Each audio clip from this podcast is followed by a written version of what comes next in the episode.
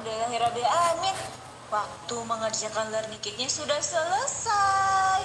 Sekarang sebentar lagi sudah mau masuk sholat zuhur. Yuk kita bereskan kembali learning kitnya. Nanti kalau yang belum selesai boleh dilanjutkan. Yang sudah selesai boleh dibereskan. Insya Allah besok kita akan menggunakan lagi learning kitnya.